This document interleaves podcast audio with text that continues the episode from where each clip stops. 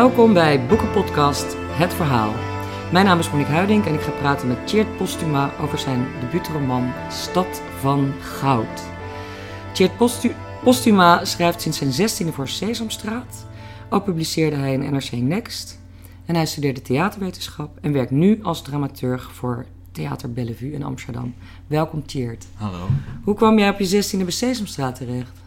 Uh, ik heb ze gemaild. Ehm, dus dat, uh, ja, dat, dat, dat, klinkt altijd heel spectaculair. Maar uh, ik heb op een gegeven moment een mailtje gestuurd naar de NTR. Volgens mij gewoon het algemene adres. Met dingen die er zogenaamd allemaal fout zouden zijn aan het programma. Oh. En in plaats van dat zij reageerden met, nou, een kleine puberale blaaskaak. Ja. Doe moet even normaal. Uh, kreeg ik een mailtje terug van Jeroen Pelgrom. Toen daar de dramaturg. En die zei, nou ja, als je het allemaal zo goed weet, schrijf dan zelf maar eens iets. En zo is dat uh, begonnen. Goh, en doe je dat nog steeds? Ja. ja. En welke sketches of welke scènetjes doe je dan? Of heb nou, je een het is niet echt een... Nee, ja. Oh. Nee, het is zo door de jaren heen is het wel zo dat er wel een aantal... Ik schrijf veel voor Tommy. Ja. Uh, omdat ik dat het leukste personage vind. Mm, verder, nee. Dus in Nederland worden al die straatscènes en zo geschreven. Er zijn ook wel mensen die ook liedjes doen. En gedichtjes en versjes, maar nou ja, zo. En ik heb twee seizoenen geleden uh, een soort serietje met Elmo geschreven. Ah. Dat was erg leuk.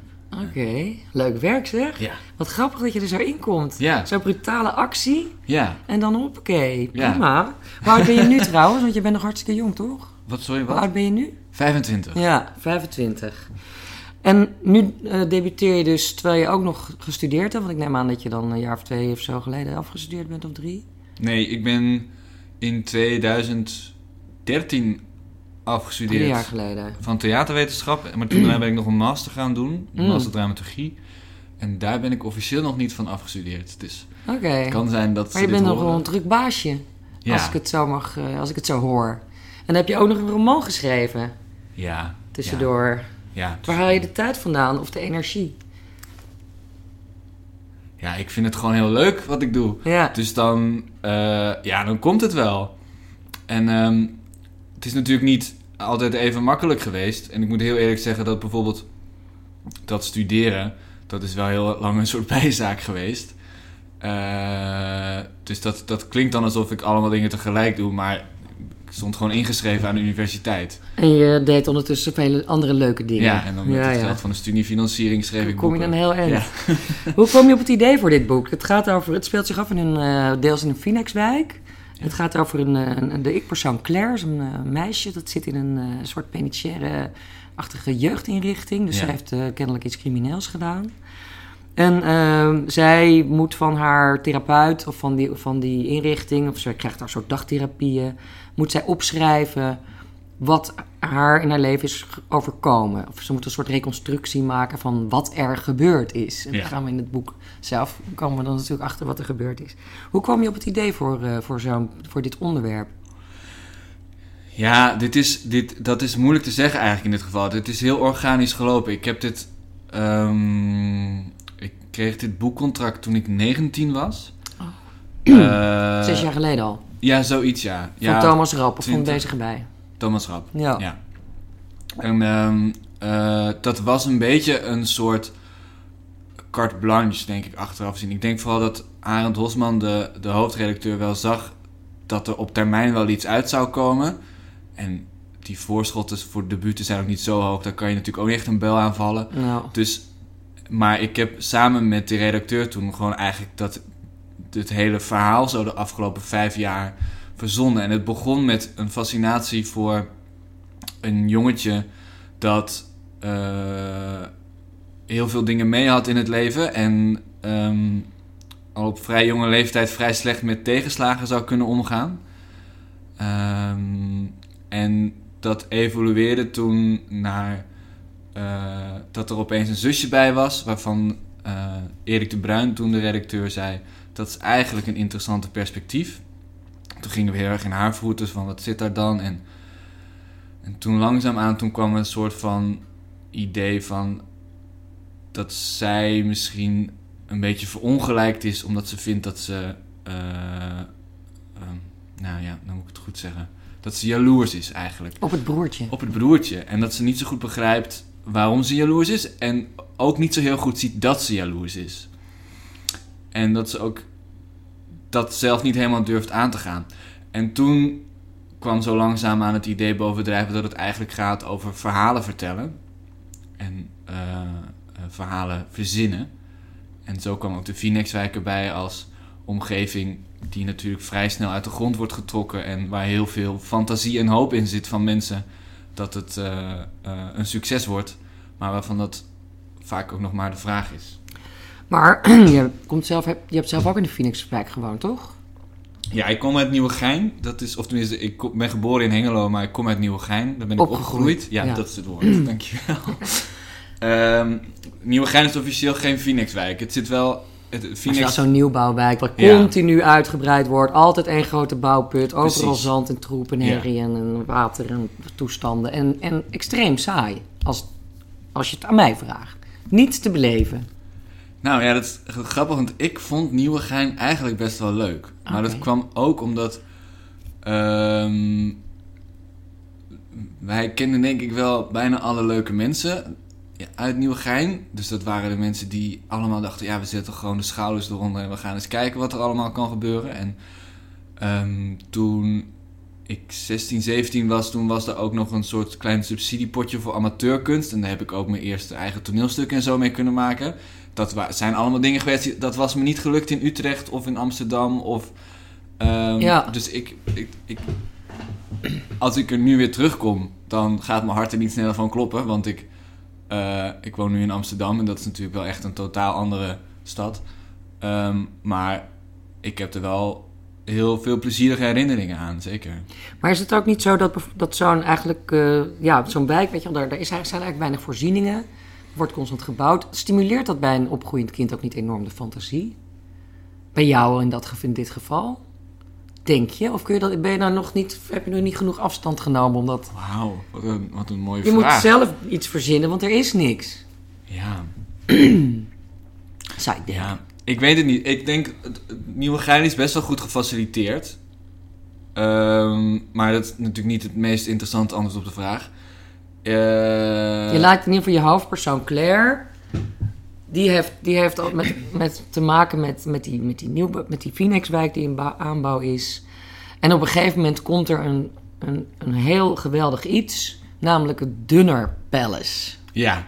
De shawarma tent. Dat is echt een waanzinnig hoogtepunt. Ja. Dat er een shawarma tent komt.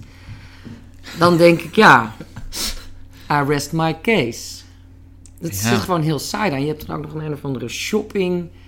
Ook Palace, of hoe heet dat? Shopping Plaza. Shopping Plaza. Ja. Dat is dan zo'n enorm winkelcentrum dat maar niet afkomt. Ja. En waar de stickers op constant op de ruiten nog zitten. Ja. ja het is toch verschrikkelijk? Ik, Ik denk... vind het een heel erge omgeving voor een jong kind. Om op te groeien, lijkt mij. Ja, maar als je niet zoveel anders gewend bent... Ik bedoel... Uh, ja, er zijn, er zijn, ik bedoel, het gaat er ook, er zijn ook Kijk, Claire die beschrijft op een gegeven moment ook zo'n scène dat ze zegt... Er zijn hier heel veel mensen die cappuccino en een appeltaart voor 5 euro uh, echt een uitje vinden of zo. Ja. Ja, maar ja, er zijn ook heel veel mensen die dat echt ja, zo vinden. Ja, er is ook helemaal niks tegen. Dus dat kan een, een, daadwerkelijk hoogtepunt zijn. Ik denk dat, ja, als je, als je een grote stad gewend bent, ja, dan, dan valt alles vrij snel tegen. Want, uh, ja, maar dat, het kunnen voor heel veel, ja, ik weet niet denk dat het te maken heeft met een verhouding of zo. Dus dat, dat je. Uh... Nee, maar nu heb je het over jezelf. Ja, sorry. Ja. En dat, ik vroeg ook over. ik vroeg daar ook naar hoor. Dat is mijn schuld. Maar het gaat natuurlijk om het boek. Ja. In het boek is die, heeft die Phoenixwijk wel degelijk een functie. Dat is het decor waartegen je ja. de dramatische ontwikkelingen uh, laat afspelen. Ja. En in het boek is mijn indruk, maar dat komt ook omdat ik een vooroordeel heb. Want ik vind het een vreselijk iets. Ik haat die nieuwbouwwijk. Ik vind het echt... Ik wil dat altijd zo snel mogelijk weer weg. Ze geeft het iets sinisters aan. Of iets van... Er ontbreekt steeds iets. Of, als er iets is, dan is het ineens weer... Daarna is het weer weg. Ze slopen ook heel snel weer dingen. Ja. Straten veranderen steeds. Het is een ja, continu veranderende omgeving. En dat heeft invloed op, op Claire. Ja, zeker. Ja, dat is waar. Ja. Ja, nou ja, ja. dus waar dat vo- vol- volgens mij vooral vandaan komt, is dat die mensen een bepaalde honger hebben. Dus die mensen die daar wonen een bepaalde honger hebben om dingen steeds beter te maken. Het is ook idealistisch. Ja, en het is, Ja. het is vooral steeds groter en meer willen. En Claire die heeft moeite om daar haar weg in te vinden, want met elke verandering die er steeds gebeurt in het straatbeeld of, of in eh, gebouwen, eh, heeft zij ook geen sporen meer van haar geschiedenis. Nee, het wordt steeds uitgewist. Ja, bijvoorbeeld mijn eh, basisschool, die staat er nu niet meer Ja. in eh Nieuwegein. Dat is toch gek? Ja, nou ja, ja. Zo'n ja, gat, is- zo'n het is- zo'n basisschoolvormige leegte. Het is ook een luxe probleem natuurlijk, maar het is wel... eh, net als dat mijn middelbare school, ik zat op het Kals College... ehm, die is in de afgelopen zes jaar zo ingrijpend verbouwd... en binnenstebuiten gekeerd en, en, en nog een hele nieuwe vleugel erbij en alles... dat als ik daar nog een keer doorheen zou lopen... ik zou niemand iets kunnen aanwijzen wat uit mijn tijd komt. Als je op het Barlees hebt gezeten in Amsterdam... is Ja. dat natuurlijk totaal anders. Of op het Er zijn eigenlijk geen tradities. Nee, Die ontbreken daar. nee, er is geen geschiedenis. Dat is geen geschiedenis. En dat stukje geschiedenis dat er dreigt te ontstaan, dat wordt snel weggehaald. Want, Waardoor het steeds nieuw blijft. ja, Of vernieuwd. ja, precies. Ja. Ja. Ehm, je hebt het Stad van Goud genoemd. Ja. Waarom? Stad van Goud? ja, we waren heel erg lang op zoek naar een, eh, een titel. En Stad van Goud. eh, het heeft natuurlijk te maken met eh, de beloofde stad. Dus een, een paradijs, wat ooit nog een keer gaat komen. Dat zou natuurlijk als de Phoenixwijk kunnen zien. Of als iets, een, een soort poging om dat paradijs te maken op aarde. Ehm, het is ook de betekenis van eh, de naam van het broertje van Claire, Orville. Oh. Dat is de Gouden Stad. En zo zijn we er toen opgekomen toen we die titel moesten verzinnen. Want we, we hadden het er best wel moeilijk mee. En toen op een gegeven moment toen zei Marga... of, eh, die zei... eh, eh, ehm, wat betekent Orville eigenlijk? Is dat dan niet een goede titel? Ja, en toen waren we er. Ja. Ehm, Oké. Nou, hebben je, we, er is dus een ik- ik-persoon, de verteller, dat is Claire. En jij zegt, ik ging eigenlijk uit van het, van het broertje. Ja. Claire is, eh, die beschrijft haar vroege jeugd eigenlijk als gelukkig in die nieuwbouwwijk. Ja. Haar vader die werkt ook in de bouw. Haar moeder is wiskundige, maar blijft thuis bij de kinderen, waardoor ze wat minder eh, gelukkig is. Claire heeft eigenlijk steeds een vrij lichte toon, maar ook, wel- ook wel ironisch. Mhm. Hoe ze naar de wereld kijkt. Ze kan heel goed observeren. Echt goed. Ze beschrijft heel mooi, eh, hoe de, heel, tot in details beschrijft ze haar omgeving en de mensen waarmee ze te maken heeft. Er zit een toontje, een- steeds een, een, iets van ironisch in van, nou ja, eigenlijk zo mooi is het allemaal niet. Maar ach, weet je wel, ze vindt het ook wel lief. Ze heeft ook een soort van sentimentaliteit erover. Ja. En eh, dan wil ze heel graag een broertje als ze klein is. En gelukkig komt dat broertje er ook echt. En die heet inderdaad Orville, je hebt het net uitgelegd. Hij is twee jaar jonger dan zij. Ja. Zoiets. En ehm, nou ja, wat is, wat is Orville voor een jongen? Want dat is dus eigenlijk een soort easter egg in je boek. Het gaat eigenlijk over Orville. Ja. Nou ja, het is, het is, het is dus geschreven vanuit Claire. Dus, ehm, en, en zo zijn ook alle feiten vanuit haar ehm, Ja. eh, eh, gezien en, en beschreven. Dus ik denk dat Claire, of dat Orville een, een heel gewone jongen is. Hij is in ieder geval de grote afwezige, laten we dat... eh, Ja, voor, in de ogen van Claire is, Ja. is hij... ehm, In het boek is hij de grote afwezige, hij Ja. is er niet. nee, hij is er niet. Nee. Ja. Eh, Wat altijd een mooie vondst is, vind ik, eh, voor een dramatisch verhaal. De afwezige. ja, dat maakt het. Daarover te hebben. Ja. Ja. Gaat ook veel over hem, maar ook helemaal niet. En, maar wat eh, is hij voor jongen? Ja, dus volgens mij is het een heel gewone jongen, maar in de ogen van Claire is, is hij eh, ja, bijna de uitverkorene.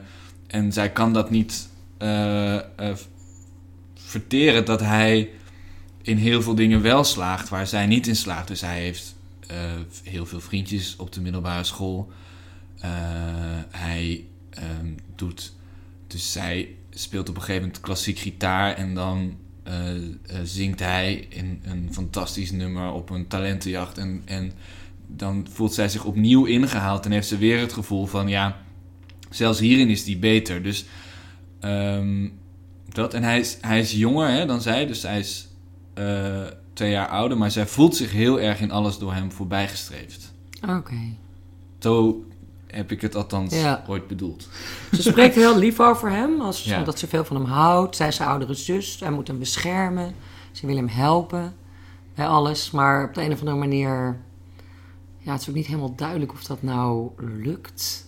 Het is steeds alle dingetjes die ze... Alle anekdotes die ze beschrijft, dus het is steeds... Bekruip je het gevoel van, is dit nou verzonnen of is het nou echt gebeurd? Het lijkt wel heel echt allemaal.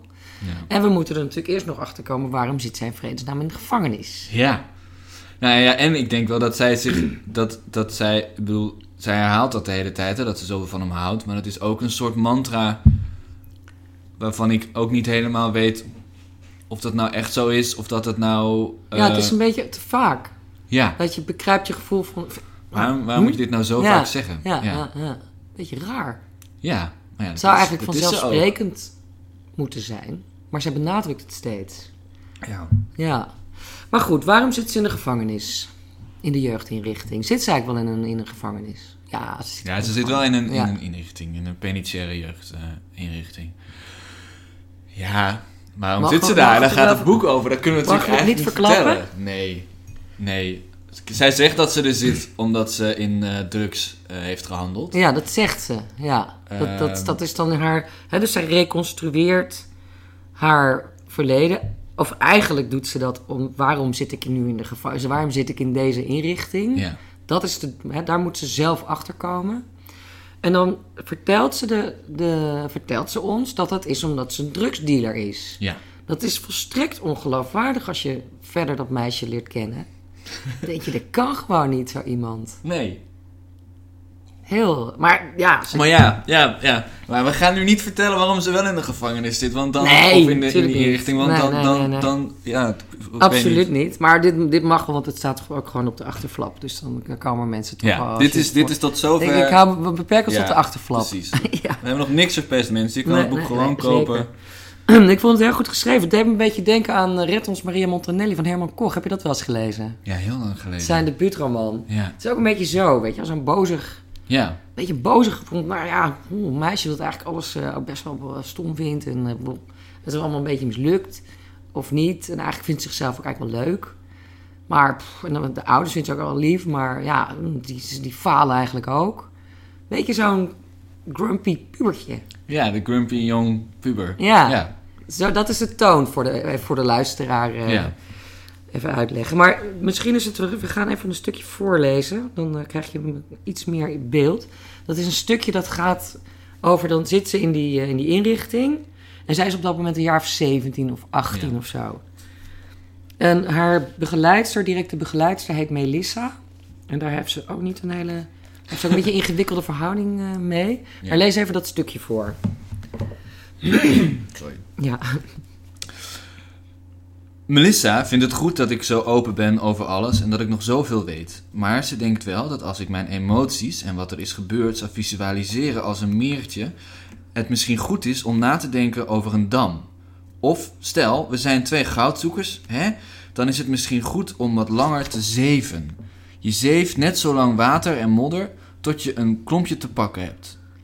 Straks moet ik een presentatie geven waarin ik vertel wat ik allemaal heb geleerd. Dan vertel ik over mijn oude leven, hoe ik in de wiet kwam en over hoe ik ervoor ga zorgen dat, ik, dat dat niet meer gaat gebeuren. En om die presentatie goed te kunnen doen, moet ik open zijn. We moeten erachter komen wat er precies is gebeurd en wat, wat tot wat heeft geleid. Het is een soort vlechtwerkje, net zoals ik vroeger maakte op de basisschool, van verschillende losse gekleurde papieren stoken die ik over elkaar legde en waar de juf dan aan het eind van de dag tevreden een paar nietjes doorheen sloeg. Dat is het. Alle kleine dingen die ik weet, die kleur, zijn die kleurrijke strookjes. Zo zou Melissa het graag willen zien. Ik vind het een mooi idee, maar dan moeten we ook alle lintjes gebruiken. Anders is het vals spelen. Dus als je zoals Melissa denkt, wat zit ze emotioneel geladen feiten op te rakelen, hè? En waar gaat dat heen? Dit hoort erbij. Ja, en je gebruikt ook veel eh, op een, geestige, een beetje terugkomische manier van het jargon. Ja. Van het hulpverlenersjargon. Hoe, hoe weet je dat? Heb je er gewerkt of heb je zelf in zo'n inrichting gezeten? Of, iemand die je goed kent? zou- Je zus. Dat zou heel. eh, ja, eigenlijk ben ik dood. Eh, eh, Ehm, nee, ik, ik heb veel research gedaan naar dit soort dingen. Dus ik heb veel documentaires gekeken. Ik heb ook wel gepraat, inderdaad, met mensen die in dit soort instellingen werken. Eh, Voor het boek of, had je- of voor een andere reden? Nee, voor het boek wel. Ja, Ah. nee, niet om mijn eigen problemen op te lossen of zo. Nee, maar misschien voor Eh, een onderzoek of weet ik veel. eh. Nee, ja, nee, nee, nee. Dus eh, zo. En het, wat, wat, heel, wat ik heel ontroerend vind aan die mensen, maar waar, waar Claire natuurlijk echt de spuughekel aan heeft, is dat ze, eh, ze proberen de hele tijd de goede moed erin te houden en eh, het licht aan het einde van de tunnel te zien. Ja, Ehm, optimisme. optimisme inderdaad, maar Het is, een, het, is een, het is een uitdaging. En er exact. zijn alleen maar oplossingen. Maar aan de En we andere gaan, kant... er- we gaan hieruit komen. Maar aan de andere kant eh, weten ze ook ergens donders goed dat eh eh, negen van die tien kinderen aan het eind van de rit binnen een jaar weer terugstaat met dezelfde hulpvraag en dan tien keer erger. Ja, dus net zoals dat. beetje tegen de bierkaart vechten. Ja, en net zoals dat die mensen in de Phoenixwijk zichzelf voorspiegelen dat ze in een prachtwijk wonen, spiegelt zo Melissa zichzelf, houdt zo Melissa zichzelf ook een soort ehm, eh, verhaal voor over dat als we het zo en zo en zo doen, dan komt het allemaal wel goed met dit kind en dan eh, is mijn eh, werk volbracht. Of zo. Ja. Dus het, het gaat eigenlijk, het gaat natuurlijk, het, het hele boek is een fascinatie voor het verhaal. Leuk, en Ja. leuk dat deze podcast ook zo Nou, ja, heet. ja, ja, ja. Vond En natuurlijk niet, eh, daar is natuurlijk over nagedacht. Dus het gaat eigenlijk om, je, ver, je zit, die Claire zit gewoon in een buitengewoon slechte situatie. Ze zit namelijk Ja. in de gevangenis. Ja. En ze is pas 17. ja. En het, door haar verhaal ervan, door een verhaal van te maken, wordt het draaglijk eigenlijk voor haar. Ja. Hetzelfde geldt voor die lui in die Phoenixwijk, want er gaat best wel veel fout. Ze hebben een parkeergarage aangelegd en daar hebben ze de kleine rioolpijpen voor gebruikt. Waardoor nu het parkeergarage continu onder water staat. Moet weer afgebroken worden, bla bla bla. Dat huwelijk tussen al die mensen. Er zijn ook mensen die, die willen er al meteen alweer weg. ja. Dus eh er krijgt ook een soort uittocht van, van eh, leuke buren. En oh nee, en dan prijzen dus de, de, de huisprijzen zakken. Gewoon al die dingen die de afgelopen jaren gebeurd zijn inderdaad in de Nederlandse economie. En dan maken ze er steeds iets van. Het is in feite zoals je op Facebook eh, je, je beter voordoet eh, dan in dan in het? Ja. dan je werk daadwerkelijk. Eigenlijk moet je heel hard huilen, maar je zet er een leuke, een leuke lachende selfie op, eh, op Facebook. Had je dat allemaal in, achter in je achterhoofd ook? Nou, wat natuurlijk nog wel anders is met zoiets als met Facebook, is dat je daar gewoon bewust een ander beeld eh, van jezelf probeert op te Ja. roepen. En wat deze mensen doen, of althans wat Claire in elk geval heel erg duidelijk doen, en ik denk veel andere personages in het boek ook wel, is zij misinterpreteren de feiten. Dus de, de, sowieso gelooft iedereen heel erg dat de werkelijkheid zich daarin dient, aandient als een logische volgorde van handelingen die uit elkaar voortvloeit, waardoor uiteindelijk eh, De heilstaat bereikt wordt. Exact. ja. Ehm, maar wat, wat, wat natuurlijk eigenlijk vooral zo is, is dat de werkelijkheid een soort totaal chaotische eh, pak met feiten is, waar je niet zo goed weet waar nou welke volgorde, wat nou hoe in verband staat met wat en waarom. Dus ja, eh, iemand die inderdaad zo zegt: Ja, als jullie nu gaan verhuizen, dan dalen de huizenprijzen. Ja, is dat zo? Dat weet je niet. Dat kan ook gewoon komen om, omdat die, die wijk gewoon ontzettend tegenvalt. En dat het meer te maken heeft met dat er een VND niet komt. Of dat er. Nou ja, maar het is natuurlijk veel makkelijker om iets anders aan te wijzen waar je bij wijze van spreken iets aan zou kunnen doen. ja. Was dat dat je... Was dat, laten we zeggen, wat je wilde uitzoeken in dit boek? Van hoe maak je die totale chaos... Inderdaad, de werkelijkheid is gewoon een totale chaos. En iedereen probeert er een soort... Ja, iets logisch uit te, van te bakken. Was dat ook je bedoeling, achterliggende bedoeling met überhaupt dit boek? Ja, voor mij was de, was de vraag: ehm, waarom vertellen we verhalen? Ja. Dus wat is, wat is de waarde van een verhaal? En ik, ik denk dat dat heel dicht in de buurt zit met dat, eh, dat, het een, dat het troost kan geven en zin kan geven. En, eh, het- maar tegelijkertijd zit daar natuurlijk ook een gevaar in dat je jezelf voor de gek houdt. En de vraag is, is dat erg? Ehm, ik denk dat het voor, voor heel veel mensen in, in dit boek juist heel prettig is dat ze zichzelf een beetje voor de gek houden, omdat ze zo- zolang niemand die ballon doorprikt, ja, Wat maakt het dan uit? is het best te doen. Ja, Ja. is het draaglijk? Ja. Nou, nou gaat het ook tussen die, die, die Claire, die, die, eh, die heeft natuurlijk allerlei, eh, die kent allerlei mensen, die, die probeert relaties aan te knopen. Hoewel dat ook eigenlijk, dat, dat lukt haar niet zo goed. Daar is ze niet zo goed in. Wat ik heel geestig vond, ontzettend onhandige move maakt ze op een jongen die, eh, die in die inrichting zit. eh daar is ze een beetje verliefd op. Ja. En dan eh, als, als een poging om contact met hem te krijgen, steelt ze zijn slippers. En in die inrichting mogen ze niet op schoenen lopen, alleen maar op slippers. Dan heeft die jongen even geen slippers meer. Zo probeert ze hem haar, zijn aandacht op. En dan probeert dat, dat bedoelt ze dus positief. Deed mij denken aan toen ik vroeger, eh, toen ik jaar of twaalf was of zo, toen ging ik naar een carnavalsfeestje, verkleed als bloemetje. En toen gingen we Polonaise lopen. Toen liep er een jongetje achter mij. En die vond mij leuk. Die, wilde, die probeerde ook contact met mij. Die vond mij leuk. En die, die maakte dat kenbaar door kaart in mijn rug te trappen. Dan moest ik aan denken met die slippers. Ja, dat is dan minder... eh, dus dat, ik vond hem natuurlijk helemaal niet leuk daarna.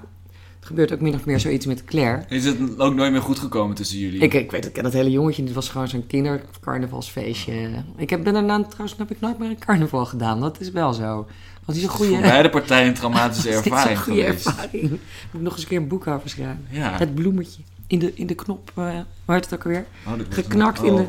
Nou ja, anyways. maar ehm, wat, ook belangrijk, wat ook een belangrijke relatie in het boek is die verhouding tussen die broer en die zus. En eh, heb jij zelf, eh, je hebt zelf een zus? Ik hè, heb een zus, ja. Die is twee jaar ouder. Ah. Ja. Check. Eh, want, zo'n, want dat is altijd een heel, dat vind ik altijd een boeiende relaties tussen broers en broers en broers en zussen. En zus en zussen. Want dat is een gegeven relatie, hè? Je Ja. wordt nu eenmaal, die, je weet helemaal niet wie dat is, die zus of broer, als die Nee. wordt geboren. En je moet er maar wat mee. Kon jij zelf goed met je zus opschieten? Of kan je goed met haar opschieten? Heb je dat gebruikt voor het boek? Ja, ik. Het, eh, ja. Nou ja, kijk, ja. Ik denk dat mijn zus en ik hebben een, een broer-zus-relatie die zich zo heeft ontwikkeld zoals bijna alle andere broers en zussen. Dus met veel liefde, maar ook met heel veel strijd. Ja. En dat ging ook echt in periodes. eh, op, op vakanties gingen we altijd, of heel vaak samen spelen. Maar we hebben ook wel gewoon hele zomers gehad dat het gewoon elke dag ruzie was. ja. En Waar wat- gingen die ruzies dan over? Hadden hadden die een thema? Ja, nee. Maar wat wel interessant was, was dat dan tijdens het, het avondeten wij dan allebei zo onze versie van het verhaal mochten vertellen. Ehm, En je ouders, die wilden natuurlijk vrede op aarde weer. eh, Precies, ja. of die wilde in elk geval horen wat er dan gebeurd was. En eh, dat waren dan altijd twee zulke totaal andere versies van, van wat er gebeurd was. Dat als ik dan mijn zus hoorde, dan dacht ik ook, ja, als je het zo ziet, of als, het, als dat allemaal is gebeurd volgens jou, ja, dan begrijp ik wel dat je heel boos bent en Mm. eh, op een gegeven moment moest gaan huilen en lelijke dingen zei of eh, het dwars werd. Of, eh, en dat zit er natuurlijk wel heel erg in. Dat als je als Claire die interpreteert wel veel als onrecht wat haar wordt aangedaan of, of moedwillig kwetsen of ehm, en nu wil ik niet zeggen dat mijn zus dat deed, maar, maar ik, denk, ik denk wel dat het ehm, dat zit erin. Dus dat die, die twee versies van een werkelijkheid hebben, dat, dat, en dat heb ik ook wel heel bewust daar vandaan als een uit die relatie gehaald, ja. Met mijn zus. Ja. En ook eh, vaag, voorbeelden. Voor, Ja, je wil je zus niet kwetsen ja, op een eh, online radio-podcast natuurlijk. Nee, ten, ten aanzien van de. Maar zij is wel een inspiratie geweest dan. Zeker. eh, of jullie, in ieder Ja. geval jullie relatie. Ja, Jullie broer-zus situatie. ja. Ja. Was jij bijvoorbeeld ook eh, beter in dingen dan zij op school? Of eh, lijkt dat op Claire en Orville? Nou ja, dat is dus het ingewikkelde. Ik denk, ik zie dat niet zo. Mijn zus en ik hebben gewoon allebei eh, VWO gedaan. Mijn zus is begonnen op het gymnasium en is toen op een gegeven moment eh, naar een andere school gegaan en eh, heeft daar het VWO gedaan. En ik ben ook begonnen op het gymnasium en ben in de derde klas naar Jullie het VWO gegaan. parallele Min of talenten, meer wel, ja. zeg maar. ja. Ja. Maar wat... Dat is in het boek niet zo. Claire is beduidend minder Ja, Claire gaat naar de haven. goed dan haar Ja. broertje. En Ja. haar broertje gaat naar het VWO. En haar broertje is heel populair, die heeft hartstikke vriendjes. Ze zei helemaal niet. Nee, Zij zegt eh vrijwel in het begin: ik, heb, ik las veel boeken vroeger, of ik heb altijd veel boeken gelezen, want eh, ik had geen vrienden. ja. Wat heel zielig is natuurlijk. Ja. Dat is ook maar haar verhaal, hè? je weet het niet. Ik bedoel, tegelijkertijd, ze heeft het ook over niemand anders, maar... eh, misschien doet ze zichzelf ook wel verdrietiger en tragischer voor voor de lezer om haar gelijk te halen. Ik denk dat ze wel, want ze is, wat jij zegt, ze observeert natuurlijk ook heel goed, dus ze is ook wel scherp en gehaaid. Ja. Ah. Ze zit ons te manipuleren. Ja, denk ik wel, ja. En ik, ik denk ook wel dat ze, ze, gelooft haar eigen verhaal wel, maar ze, ze gaat wel ver om dat eh, Ja. over, de, over het voetlicht te brengen. Ja, want, ei- want hè, het, is, het is ook een beetje van... Ze vertelt het dan aan Meli- Melissa en een beetje aan haar medegedetineerde. Nou, eigenlijk niet, maar een beetje. En, eh, maar ook natuurlijk eigenlijk direct aan de lezer vertelt ze het hele verhaal. Ja, En ehm, probeert ze inderdaad misschien wel de lezer te verleiden... om mee te gaan in haar versie van de werkelijkheid. ja, Dat is de bedoeling ja. eigenlijk. Ja, precies. Dan heeft ze ook nog eh, eh, natuurlijk een, een- ja, relaties met die, met die andere lui die daar, in, eh, die daar in die eh, inrichting zitten. En dat zijn best zware criminelen. ja, dat zijn geen vrolijke verhalen wat die Ja. mensen hebben meegemaakt. Nee, heb, heb je maar- daar ook, heb je dat uit interviews eh, inderdaad, eh, die, Ja. die, die achterliggende verhalen van die jongeren? Ja, het is, over het algemeen is het zo dat... ehm, wat ook in het boek staat, is dat... Dus, ehm, mensen die in zo'n inrichting zitten... die vertellen niet zo graag over wat ze hebben gedaan. Nee. Omdat vaak... eh, Er nogal, nog een strafje boven hun hoofd hangt dan. ja, Of, er, of er zijn feiten die nog net niet helemaal boven tafel zijn... en voor je het Ja. weet praat je je mond voorbij... en je weet ook niet zo goed hoe mensen zich buiten de gevangenis... tot je gaan verhouden. Dus Ja. Ehm, maar ja, nee, dit is, dit is wel. eh, eh, de, op een gegeven moment wordt verteld dat iemand, iemand anders heeft bewerkt met een scooterslot. ja. Tot ze niet meer praten. Of zoiets. Dat is wel. eh, ja, dus er zijn mensen die dat echt doen. ja. Ja. Precies. Ehm, ze is ook behoorlijk wijs eigenlijk. En nou, ze is goed in het observeren van haar omgeving. En eh, eh, wat ik me afvroeg is, wilde je haar... Want jij hebt haar gecreëerd. Wilde je haar ook licht houden? Luchtig?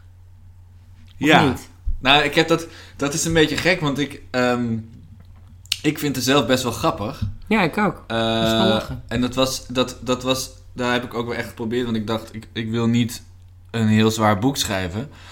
Maar ik heb nu wel van veel mensen teruggekregen dat ze het een, een, eh, ook heel vaak benauwend vinden en eh, niet Ja, het is ook wel een beetje beklemmend. en beklemmend Ja. inderdaad. En ehm, eh, zorg, zorgwekkend. Dus het, Had je dat niet door toen je dat aan het schrijven was? Nee, ja, ik, ik, nou ja, op een gegeven moment ben je natuurlijk zelf ook een beetje afgestomd voor het, het verdriet wat er allemaal zit. En ik, ik heb me gewoon heel erg vermaakt met eh, grappige woorden vinden en eh, eh, haar gevatheid. En ehm, ja, maar ja, nee, het is natuurlijk ook wel, er gebeuren ernstige dingen. Ja, En het, en het, het, nou ja, het, het poogt natuurlijk ook iets naars te zeggen over de tijdsgeest wat dan?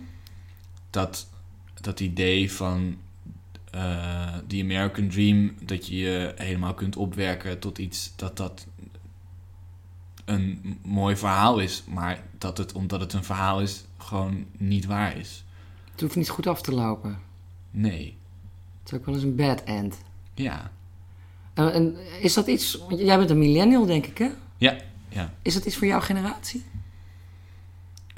Ik denk dat mijn generatie wel veel bezig is met tegenslagen verwerken, ja. Beter. Veel, niet beter. Zeker niet. Nee, ik Oh. denk dat ik, ik was laatst, had ik een gesprek met twee docenten van mijn oude middelbare school.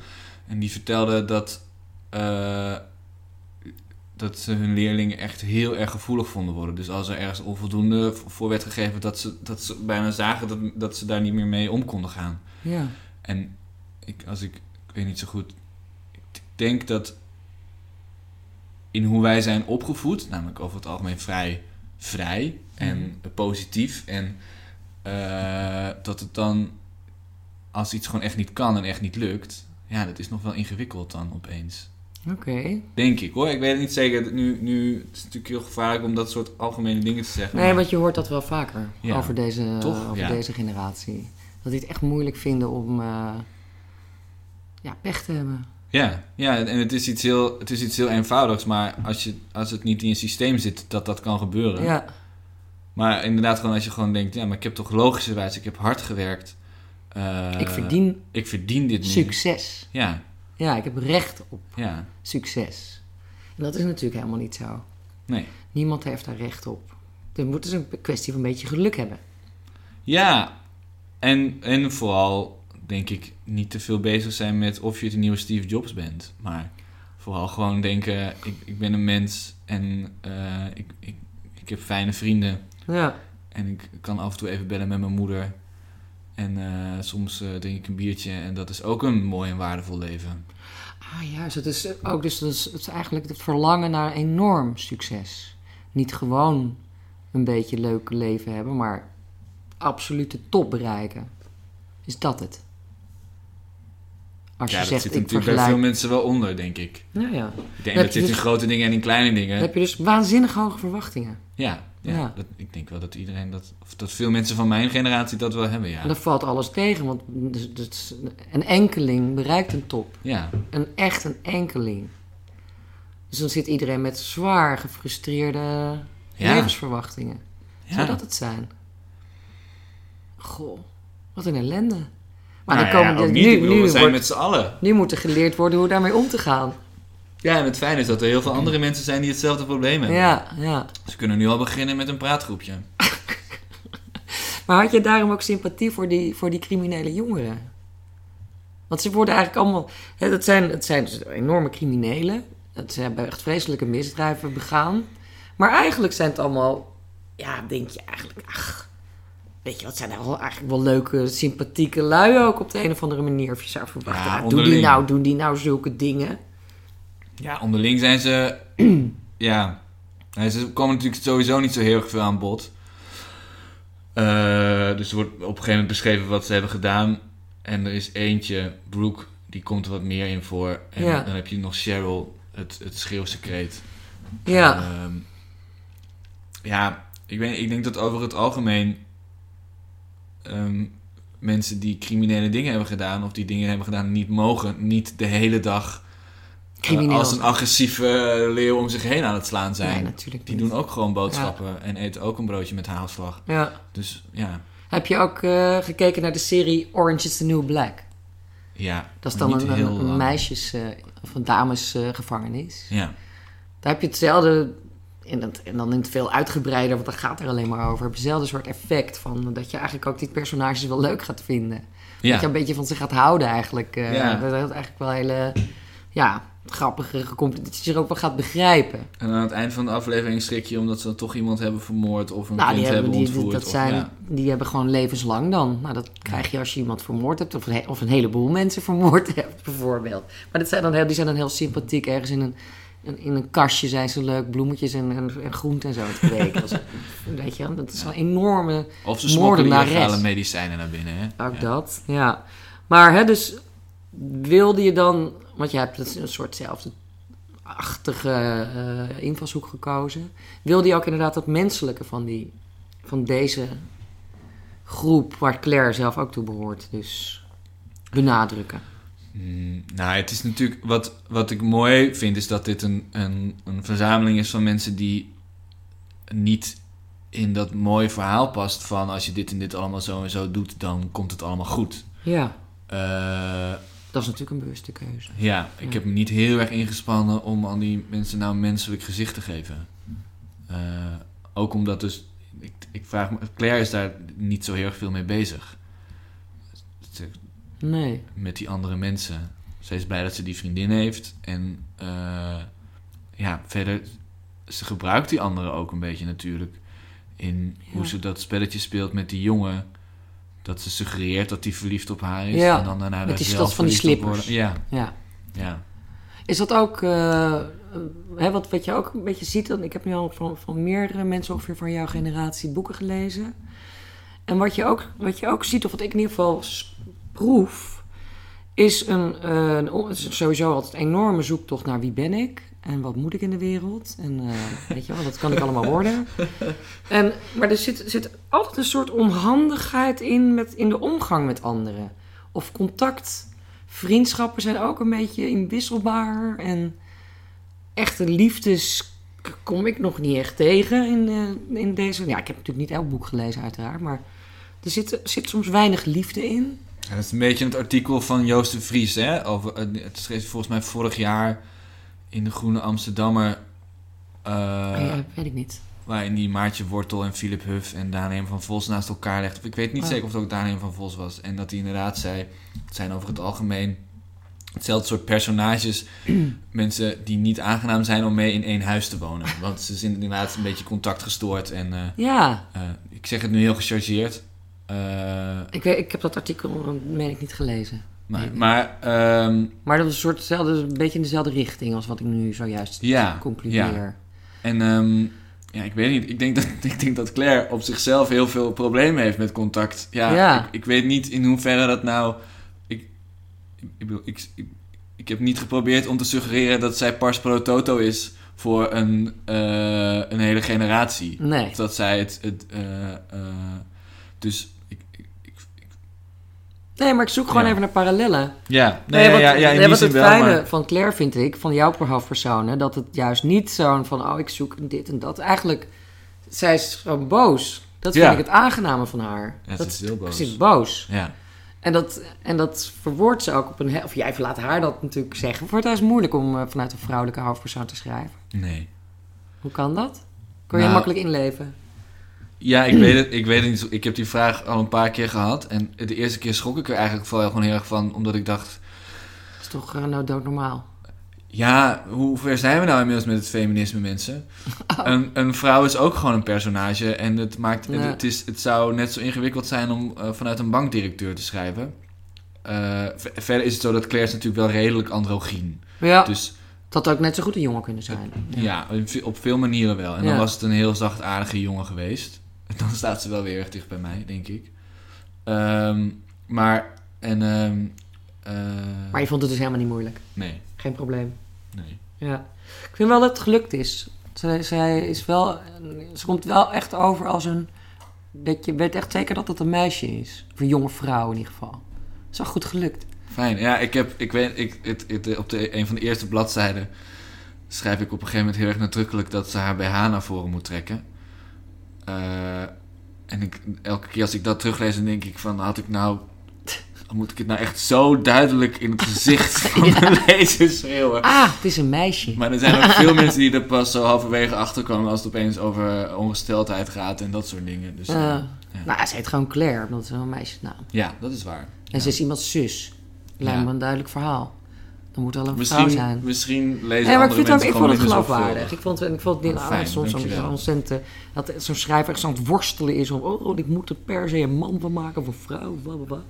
Het als je het over je andere, de andere Ja. seksen schrijft. Maar dat is je gewoon goed gelukt. Eh, de laatste vraag. Ja. Ben je al aan een volgend boek bezig? Want dat, je blijft hier natuurlijk niet bij Stad van Goud alleen. Nee.